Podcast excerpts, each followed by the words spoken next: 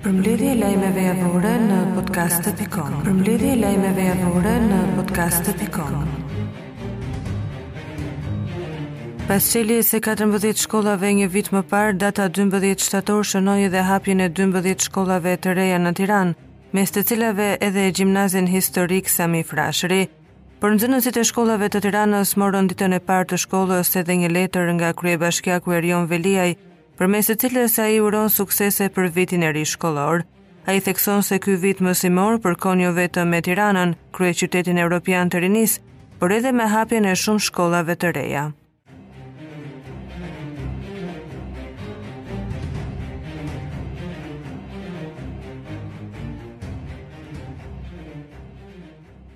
Arsimi është arma më e fuqishme që mund të përdorni për të ndryshuar botën. Kështu është shprehur ambasadorja e SHBA-ve Yuri Kim e pranishme në Kongresin e Arsimit në Tiranë. Në fjalën e saj, ambasadorja Kim theksoi se arsimimi do të jetë kyç në rrugën se sa shpejt do të lëvizë Shqipëria drejt Bashkimit Evropian.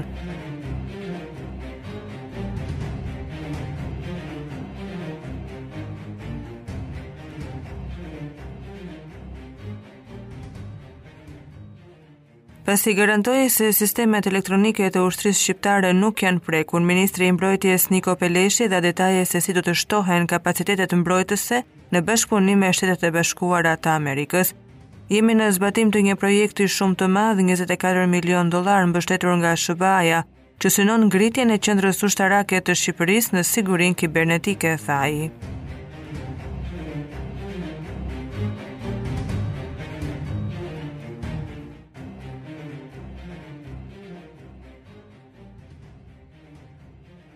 Një 35 vjeçare është përplasur për vdekje nga një kamion në zonën e Astirit në kryeqytet.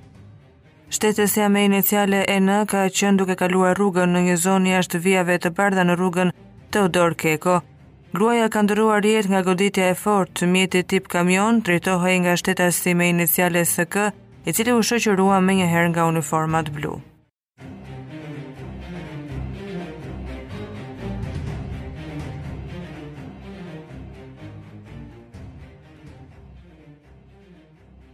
2.275 tonë naftë kontrabandë që transportoheshin me anije cisternë nga Libia në Shqipëri janë sekuestruar në Durrës.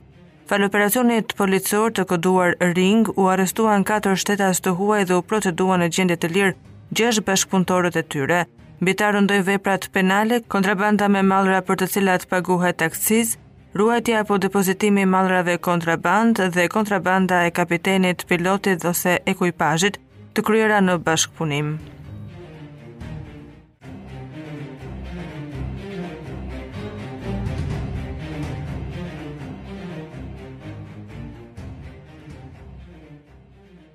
Një 39 vjeçar është vënë në pranga pasi transportonte 10 emigrantë të paligjshëm, të cilët do t'i ndihmonte për të kaluar kufirin kundrejt fitimit. Autori me iniciale IS, banues në fshatin Sektor Rinia në Durrës, u kap në afërsi të Muriqanit, teksa drejtonte mjetin tip Toyota. Mbi 39 vjeçarin rëndon vepra penale ndihma për kalim të paligjshëm të kufirit.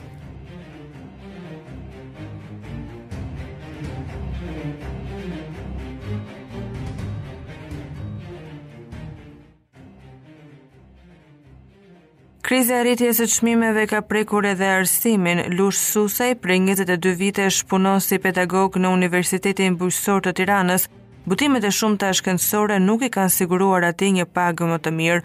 Për këtë arsye, profesori është bashkuar protestës së pedagogëve përballë Fakultetit të Shkencave të Natyrës.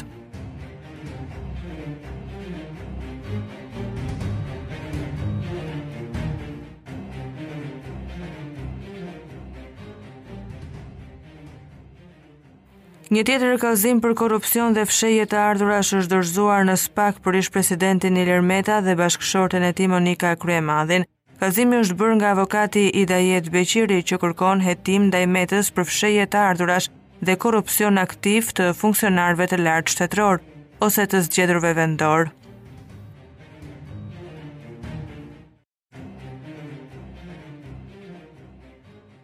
Një 34 vjeçar i identifikuar si Alban Pashollari humbi jetën në ujërat termale të Elbasanit si pasojë e një arresti kardiak. Një nga dëshmitarët e ngjarjes ka treguar se fillimisht kanë dëgjuar thirrje për ndihmë, por nuk kanë zbritur poshtë.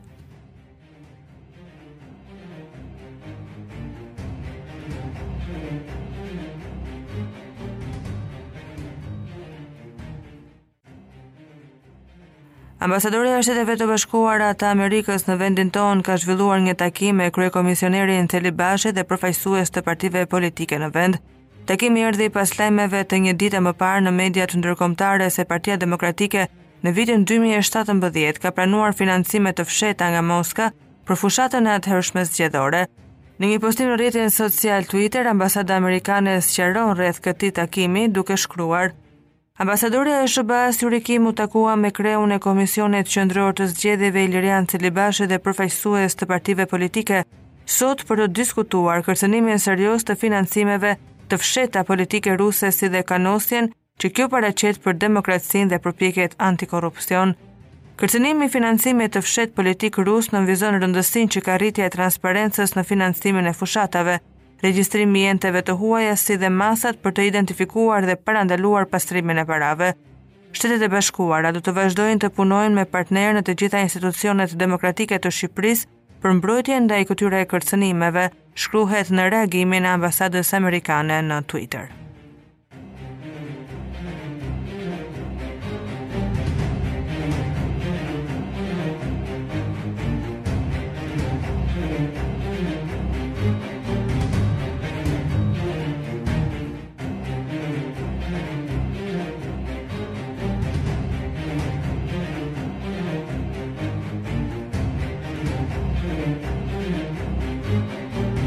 Përmbledhje e lajmeve javore në podcaste.com. Përmbledhje e lajmeve javore në podcaste.com.